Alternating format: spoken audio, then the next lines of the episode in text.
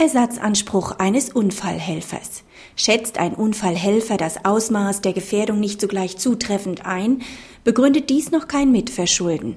Objektiv falsche Reaktionen stellen kein schuldhaftes Verhalten dar, wenn der Verkehrsteilnehmer in einer ohne sein Verschulden eingetretenen, für ihn nicht voraussehbaren Gefahrenlage keine Zeit zu ruhiger Überlegung hat und deshalb nicht das Richtige unternimmt.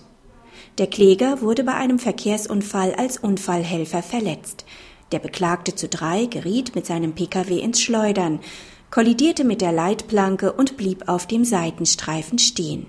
Der Kläger hielt sein Fahrzeug dahinter an, erkundigte sich beim Beklagten zu drei und ging zu dessen Kofferraum, um ein Warndreieck zu entnehmen und aufzustellen. Es näherte sich das Fahrzeug des Beklagten zu eins, welches ins Schleudern geriet und den Kläger auf dem Seitenstreifen erfasste. Das Landgericht hat der Klage zu fünf Sechstel stattgegeben. Das Oberlandesgericht hat ein anspruchsminderndes Mitverschulden des Klägers ausgeschlossen und der Klage insgesamt stattgegeben. Dies wurde in der Revision bestätigt. Der BGH stellte fest, dass die Beklagten dem Kläger gesamtschuldnerisch in vollem Umfang haften. Ein Mitverschulden trifft den Kläger nicht. Zwar hat dieser, als er sich auf dem Seitenstreifen aufhielt, objektiv sorgfaltswidrig gehandelt, allerdings kann dies zur Absicherung einer Unfallstelle erforderlich sein.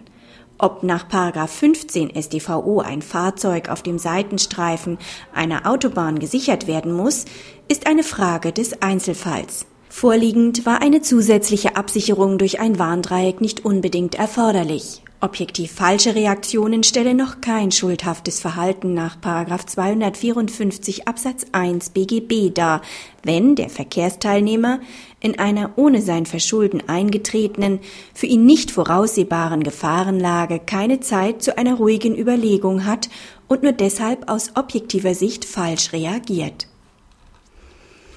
Praxishinweis es handelt sich um ein sehr ausführlich begründetes Urteil zu Fragen der Haftung bei mehreren Unfallverursachern, insbesondere zu deren Haftungszurechnung sowie auch eingrenzend zum Mitverschulden.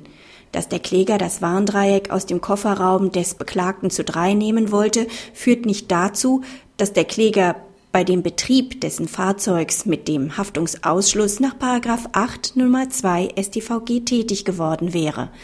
Diese enge auszulegende Ausnahmevorschrift greift schon deshalb nicht ein, weil es zwischen dem Kläger und dem Fahrzeug des Beklagten zu drei an der erforderlichen Dauerbeziehung fehlt